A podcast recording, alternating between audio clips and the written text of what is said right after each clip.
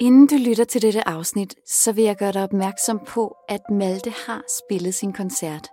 Det gjorde han den 19. februar. Rigtig god fornøjelse. Jeg vil meget gerne anerkendes for musikken i første omgang.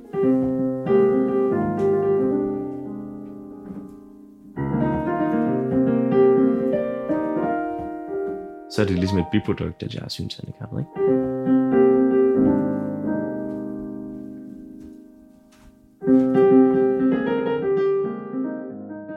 De fleste af os er gode til noget, men nogle få er ikke bare dygtige, men har et helt særligt talent. Det er Malte Jebsen. Han er faktisk så god, at han har vundet en fornem pris. Der kommer en hjemmespil. Malte har formået at gøre sin store passion til en levevej, nemlig jazzmusikken. Hvor gehør og hurtige fingre trumfer det visuelle. Og det er netop jazzmusikken, der har sikret ham et prædikat som en af Danmarks mest talentfulde musikere. Og roserne har været mange. Især når man oven i købet ikke kan se. Det kender jeg godt selv. Og måske gør du også, at alt for de store præstationer til de mindste gøremål kan blive i talesat som noget ekstraordinært af andre, når man har et synshandicap. Men Malte vil ikke anerkendes for at gøre noget på trods af et synshandicap. For et synshandicap er bare et vilkår. Mit navn er Sofie Mungård. Velkommen til Øjenkrogen.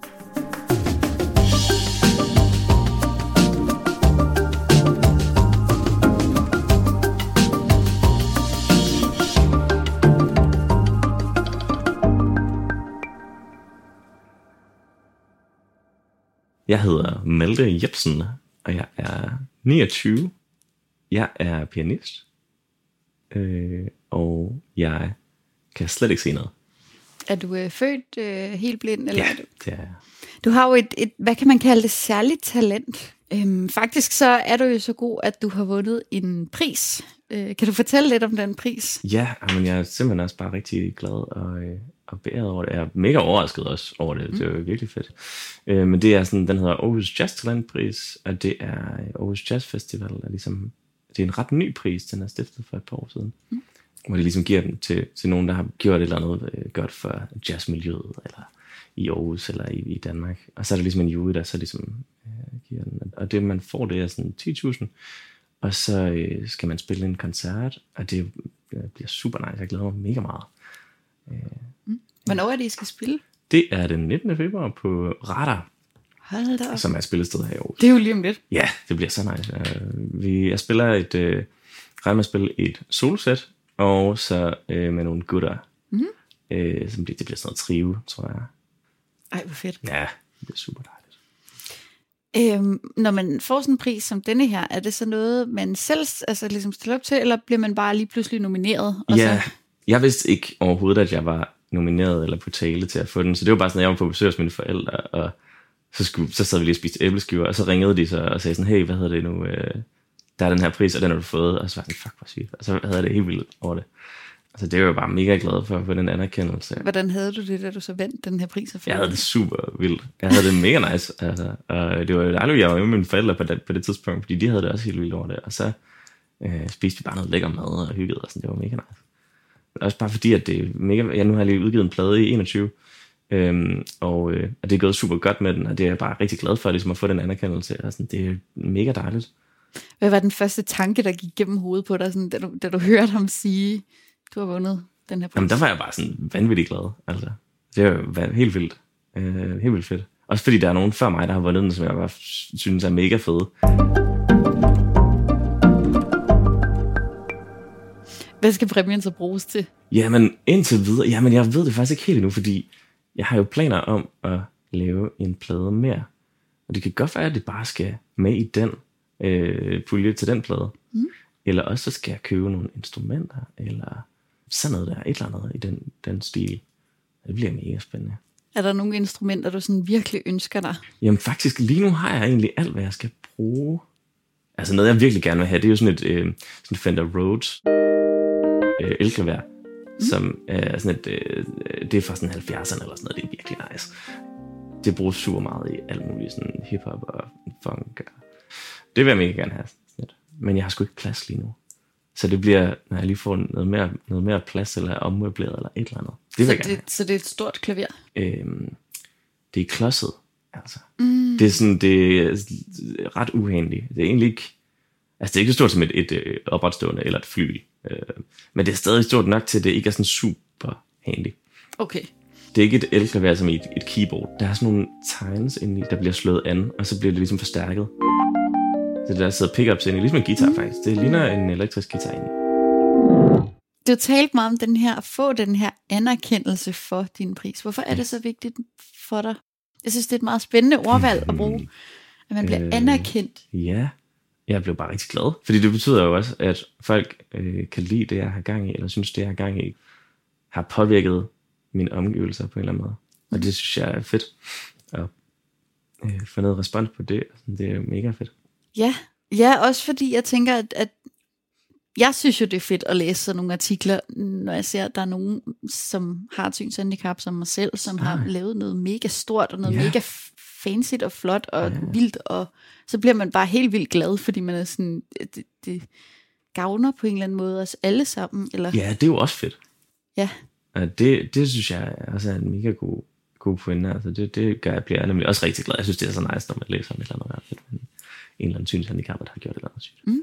Men, men det har altid været sekundært lidt, altså sådan i forhold til, øhm, og hvordan skal jeg, for, ja, det er svært at forklare, hvordan, øh, jeg vil meget gerne anerkendes for musikken i første omgang, og så er det ligesom et biprodukt, at jeg er synshandicappet, ikke? Mm.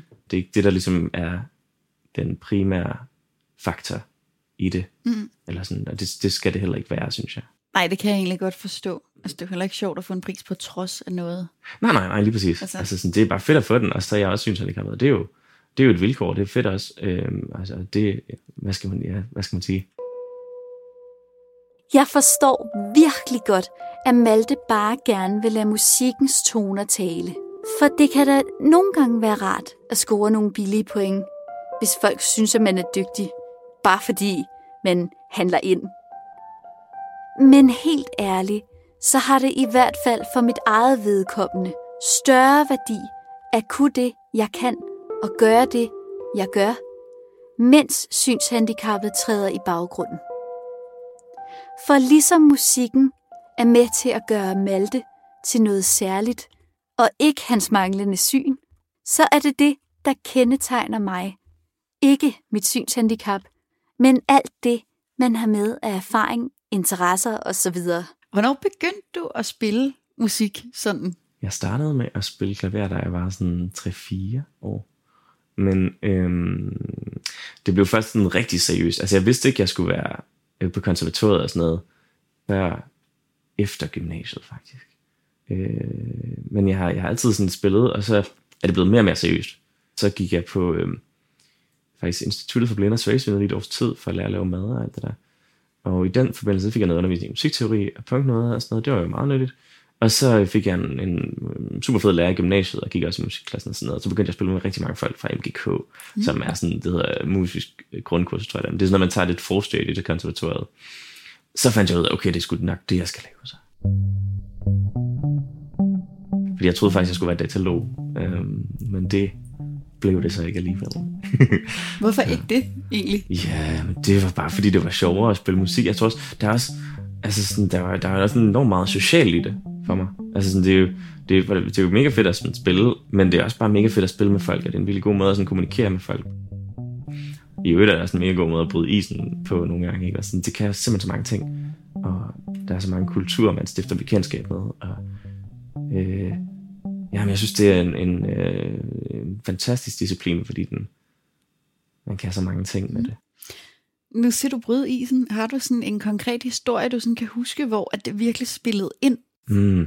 Jeg synes tit, jeg oplever, at for eksempel inden man har spillet sammen, så kan folk måske have svært ved at stille spørgsmål, Men lige så snart de, man har jammet og, sådan, og sådan, har det sygt, ikke? Og så, så er det meget nemmere at abstrahere fra, at jeg måske er blind, eller at man kan være intimideret af det, ikke? Altså sådan, så det er en virkelig god måde at komme ind på hinanden mega hurtigt på.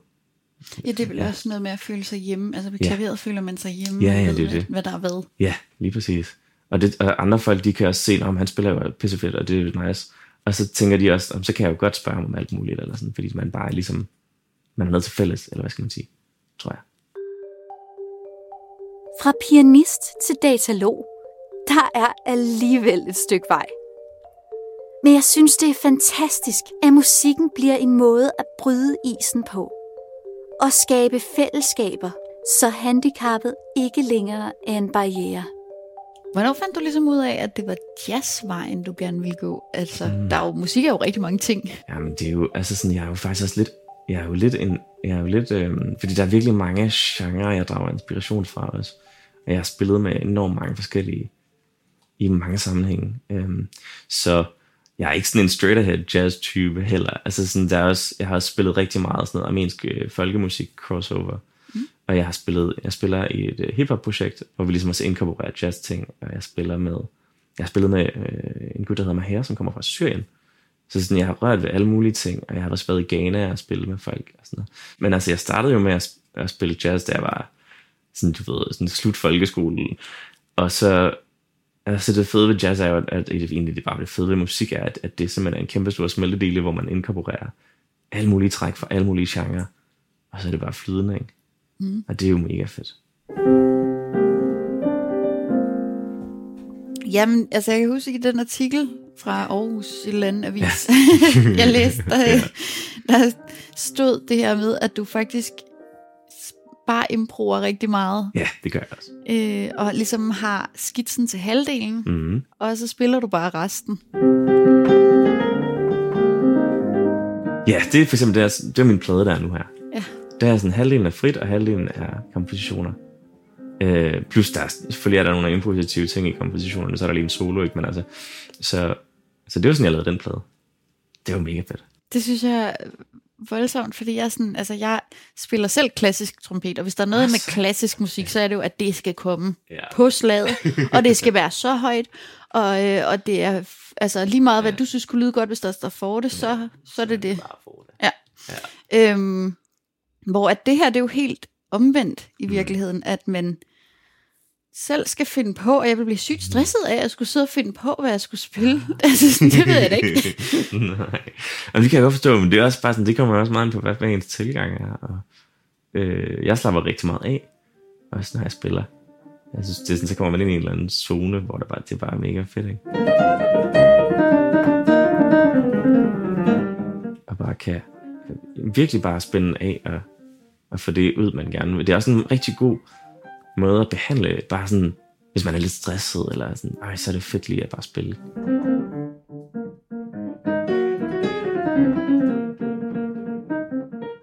Ja, for det, jeg forstår det ikke. Altså, man læser jo tit om det også, og sådan komponister, altså berømte komponister, altså så sidder de bare så flød det bare ud af fingrene på dem, hvor jeg sådan, hvor kommer det fra? altså. Det er store spørgsmål.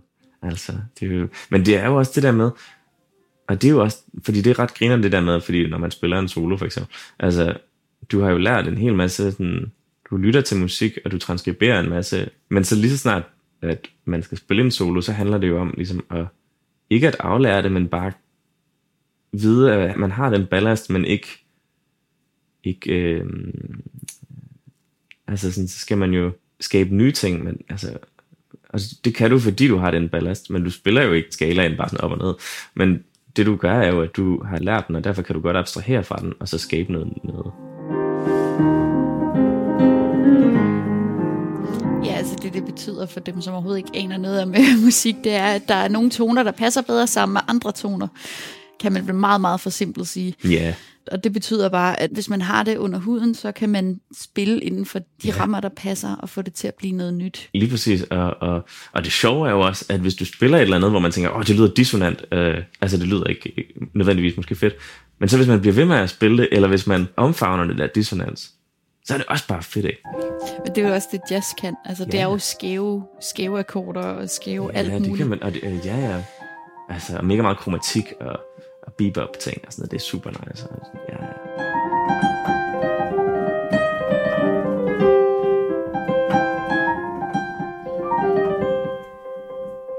Hvor længe har du ligesom vidst, eller hvornår fandt du ud af, at, at det var noget, du skulle leve af, det her musik? Jamen, det er et glimrende spørgsmål, og det ved jeg jo ikke endnu, fordi jeg ved jo ikke, hvad jeg skal bagefter øh, konservatoriet.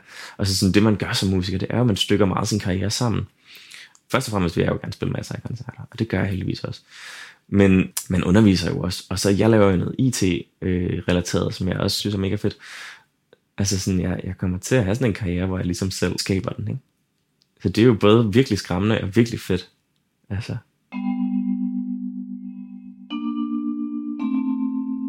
Og så kan det jo godt være, at jeg, jeg finder ud af, at jeg skal altså få, for eksempel, jeg kunne godt tænke mig at undervise på MGK eller konservatoriet, så kan jeg jo tage nogle, have, nogle, have nogle faste timer der, ikke? Og nu er jeg, jeg for eksempel har jeg taget pædagogisk hørelærer som valgfag, øh, fordi så kan jeg blive god til at undervise i hørelærer. Det er jo mega fedt, fordi jeg elsker hørelærer, det er det sjoveste i verden, men øh, det er også bare fedt at have de kompetencer til at ligesom kunne formidle det godt. Kan du fortælle dem, som ikke ved det, hvad hørelærer er? Ja, det er øh, egentlig så dækker hørelærer over, altså ordet hørelærer dækker over en række discipliner. Det er for eksempel, hvis man kan høre, øh, hvilket trin en given tone er øh, i den givende øh, skala. Så man bruger meget det der øh, solmisation, som er det der do-re-mi-system. Øh, og så kan det også være sådan noget, okay, så kan man udtyde en akkord, altså at, at sige sådan, okay, den indeholder de her grader i den her akkord. Eller lave en harmonisk øh, analyse mega hurtigt på øret. Ikke? Også meget sådan noget med rytmer. Så sådan, det er virkelig en bred disciplin, hørelærer, men det er virkelig fedt. Så det er sådan set at lære at kode musikken af, Ja, uden at kigge på noderne. ja og det er også meget at lære at bruge sine ører Ja. øh, hensigtsmæssigt. Har du så absolut gehør, så du kan høre, øh, hvilke toner? Nej, det har jeg faktisk ikke. Jeg har, øh, jeg har relativt gehør, mega godt relativt gehør, men jeg har ikke absolut gehør. Der er nogen, der bare sådan, det har de bare. Altså, jeg kan. Ja. Og det, det er så underligt, fordi Ja. ja. jeg spiller jo ikke rigtig musik Nej. længere, eller sådan, Nej, men, nej, nej. Men, men det kan jeg. Ja, ja. Og jeg troede, det var sådan en ting, man bare kunne, når man skulle på musikgymnasium. Og så Ja, ja, ja. lærer, så hævde han mig op og var sådan, prøv lige at, hvad er det her for en tone? Jeg synes, det er super akavet. Ja, ja, det kan jeg forstå. Som 16-årig er sådan, Ja. ja. okay, det er ikke en ting. Det er jo noget, man, man får rigtig tidligt i livet. Hvis man har absolut gehør, tror jeg. Og så læste jeg faktisk lige, der var sådan noget, man kan få sådan en epilepsipille. Og hvis man tager den, så er en af bivirkningerne, at man kan godt risikere at få absolut gehør. ej, hvis man lytter til rigtig mange toner. Det er virkelig sjovt, synes jeg. Så det kommer, at man lige skal købe noget epilepsimedicin. ja, det kan godt være, det virker. Så bliver du også dejlig afslappet. Og...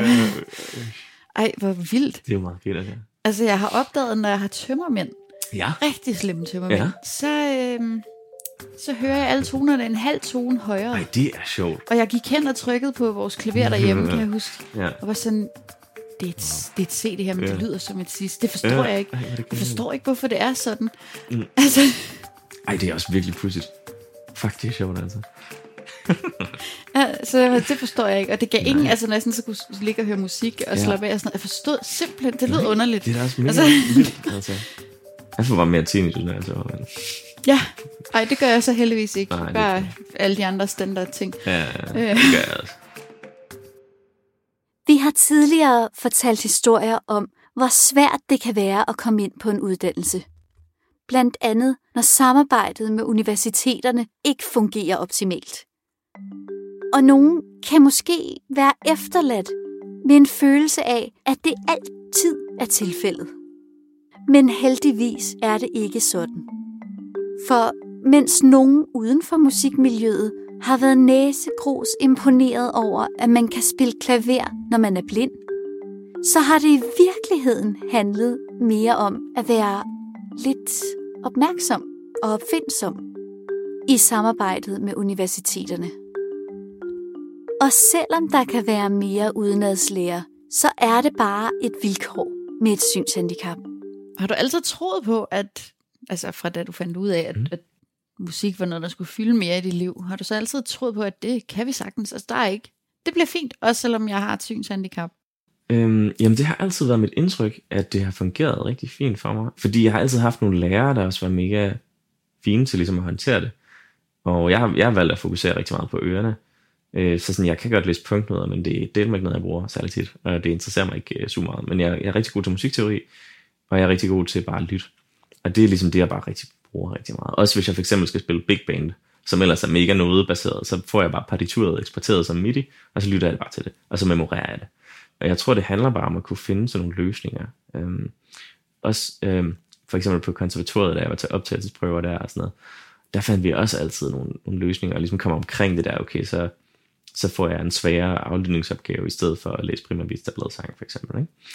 Det handler tit om, at man skal opfinde den dybe tallerken selv, øh, når man er synshandicappet, men, men det er jo bare et vilkår, tror jeg. Så der er aldrig nogen, der sådan har været sådan, nej, det kan du da ikke. Nej, så har det været folk uden for miljøet, så har det været sådan noget, åh, var det flot, du kan spille klaver, selvom du er blind. Altså sådan, ja, det ved jeg sgu ikke, der, altså. Det, det er det jo ikke. Altså sådan, så det er meget sådan nogle udenforstående folk, som ligesom synes, at det er vildt. Og så, så tænker de, at fordi man er blind, så, mm. altså sådan, så, men der er også rigtig mange blinde, der ikke spiller, eller er umusikalske og sådan noget, så det har jo ikke, det har jo ikke noget at sige, andet end at det også er en ting, jeg er, ikke? Altså. Jeg føler nærmest det omvendt, altså sådan, at alle blinde, de kan jo det der musik. ja, den har jeg også fået. og det er sådan, nej, ikke altid, og nogle yeah. er bedre end andre, yeah, og, og yeah, yeah. tænk, hvis jeg var en af dem, der overhovedet ikke kunne noget, altså jeg ville føle mig virkelig trådt på, på en eller anden måde. Ja, ja, jo, det kan jeg sgu da godt forstå. Altså, men det er også bare sådan lidt, vi er jo bare mennesker, og det er, altså, det er så mærkeligt med de der prædikater nogle gange, ikke? Mm. Men, fordi det er jo ikke sådan noget, at alle scener er gode til at bage, eller et eller andet. Nej, overhovedet altså. ikke.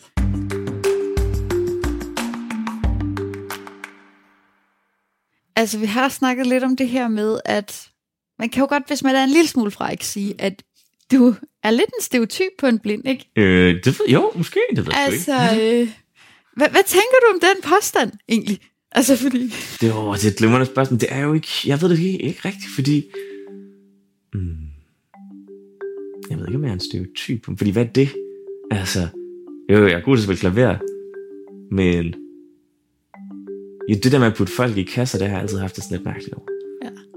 Og jeg synes, man skal gøre så meget for at bare være i samfundet og ligesom på, på ligesom de vilkår med, med alle mulige andre. Jeg synes, der hvor vi skal hen er jo, at alle lyskryds virker, og alt er tilgængeligt. Ikke?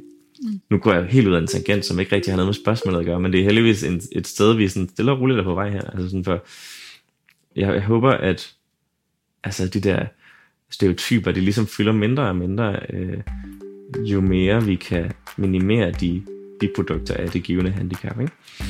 Øhm, og det er, jo, det er jo noget, vi ser for eksempel i forhold til, øh, lad os bare sige telefoner for eksempel. For, for 10 år siden, der skulle du tilkøbe en skærmlæser og bruge al mulig energi på at sætte den op og sådan noget. Nu kan du bare tage den ud af kassen og tænde for den, og så virker den mm. øh, på lige vilkår med en scene. Og det er jo et, et, et super fint skridt i den rigtige retning. Ikke? Og, og det er jo noget heldigvis, som der er rigtig mange, der er opmærksom på. Tilgængelighed er virkelig øh, hipt for tiden i forhold til både appudvikling og øh, regulativer og sådan noget. Det synes jeg jo bare er en helt rigtig vej at gå. Fordi så, har vi jo, så er vi jo alle sammen bare mennesker, og det er jo det vigtigste i virkeligheden.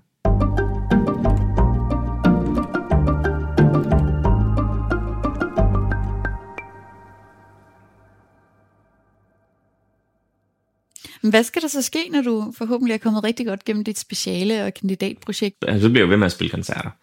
Og så skal jeg jo til at søge job. Så kan det være, at jeg søger nogle, nogle øh, stillinger som underviser og så laver jeg noget rådgivning med noget IT, og det kan jeg jo, det har jeg jo mere tid til at gøre, og, og fokusere på, når jeg stopper på, på konservatoriet, og så det bliver jo også en ting. Og så tænker jeg, at jeg lige bruger et par år på at være ude i verden og, og prøve det, og så kunne jeg godt finde på at tage solisten.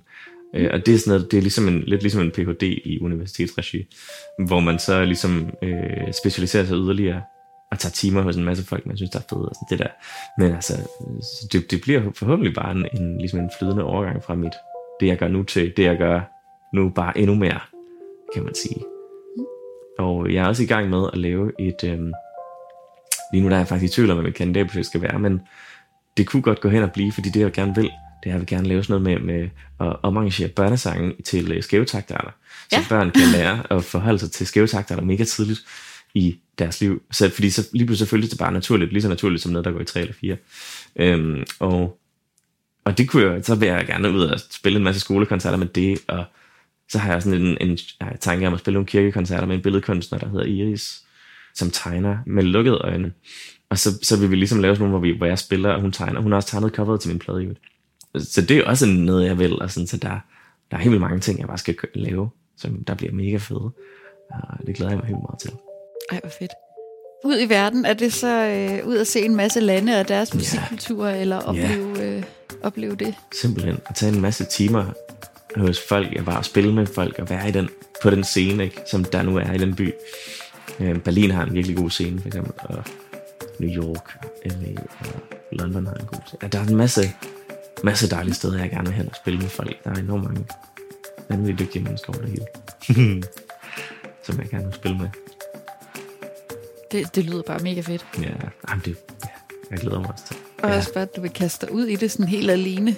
ja, det, det bliver jo næsten, det bliver jo næsten nødt til. Jo. Ja. Nu har jeg også nogle venner, der bor forskellige steder. Og så kan jeg jo i starten spørge dem til rådet, så være med i, og ligesom få et netværk på den måde. Ikke? Ja. Og jeg kan også for eksempel tage kontakt til nogle blinde organisationer, så jeg ligesom får styr på alle de der sådan lokale kutumer omkring nogle ting og sådan noget. Så der, det må jeg jo gøre, og det er jo det, der kommer til at ske. Den der musikkarriere, du har påbegyndt, hvad skal den så munde ud i? Hvad, hvad er din største drøm? Åh, oh, det er et godt spørgsmål. Jeg, altså, jeg, øh, jeg vil bare gerne blive ved med det, at lave egentlig. Altså sådan, øh, nu for eksempel, nu udgiver vi en plade med, med det hiphop-projekt, vi laver nu her. Det bliver mega fedt, at vi skal spille på Montmartre, det glæder jeg mig helt vildt meget til. Hold da op. Ja, det bliver så nice. Øh, og, og sådan, og, så det er jo fedt, og jeg, sådan, det, det jeg bare gerne vil, det er egentlig bare blive ved med at, at udvikle mig, og spille med folk, jeg synes, det er fedt, og spille nogle dejlige koncerter, og, og så det er bare det, tror jeg bare er det egentlig. Altså, Det her altså med at, at finde ud af, at man skulle være seriøs. Øhm, vi har talt lidt om det, men var det noget, som ligesom lå i kortene fra din forældres side hele vejen igennem, eller fra din side, eller var det ligesom bare dit stenhårde arbejde hele vejen igennem, der gjorde det? Øhm, altså, det har aldrig været mine forældre, der har skubbet mig øh, til noget. Altså, sådan, det har altid været, øh, har, du, har, du, har du lyst til at gå til klaver? Og sådan, at det kunne være sygt. Altså, øh, så synes jeg, det var mega fedt. Og i starten, det var heller ikke sådan noget med, at jeg øh, øvede sådan syv timer om dagen eller noget. Det var, det var meget sådan noget, da jeg var 3, 4, 5 år, der var det meget sådan noget med bare at, at lege med klaveret, og, øh, og sådan, wow, lyd kan det her. Sådan, det, og så senere hen fik jeg koblet alle mulige ting på den fingersætning, hvordan man gør det rigtigt og sådan noget. Men, men, øh, men det har aldrig været sådan noget med, at jeg er blevet pacet, og jeg har heller aldrig selv haft øh, sådan en med, om jeg skal bare være det her, det er det vildeste. Øh. Det har altid bare været naturligt øh, at gøre det. Og det tror jeg også er den måde, man skal gøre det på i virkeligheden. Eller sådan, det føler jeg i hvert fald en, har været en mega god måde at gøre det, fordi jeg synes altid, man skal kunne slappe af i det, man laver. Fordi så, nå, så er det også meget nemmere at nå derhen, hvor man gerne vil, fordi øh, jamen, jeg, jeg tror bare, det er vigtigt at, at tage det roligt, fordi man når jo, man skal nok nå det hele. Jeg har faktisk ikke flere spørgsmål. Er der noget, du gerne selv vil sige, som du Mm. tænker er vigtigt? Ja, altså sådan, hvis man ligesom vil høre, hvad jeg går og laver, så kan man øh, lytte til mit album, der hedder Fluidity, og jeg hedder Malte Jebsen, og det kan man finde på streamingtjenester på Bandcamp, man kan også købe det på CD. Øh, og ellers så, øh, så kan man øh, følge mig på Instagram, og der hedder jeg Blindstagram med Z. øhm, og det er sådan set bare det, tror jeg.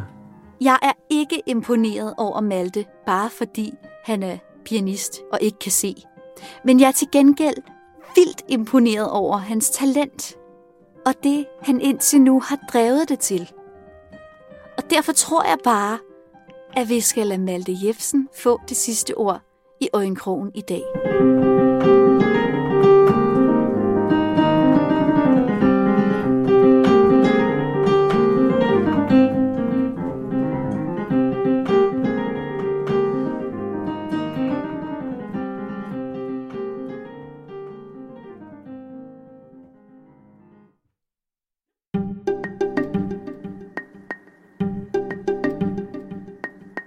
Øjenkrogen er produceret af Dansk Blindesamfund.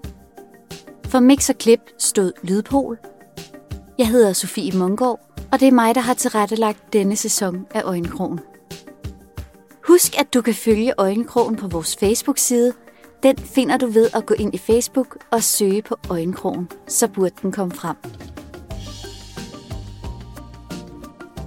Du kan lytte til Øjenkrogen i din foretrukne podcast-app eller på blind.dk-podcast. Vi lyttes ved.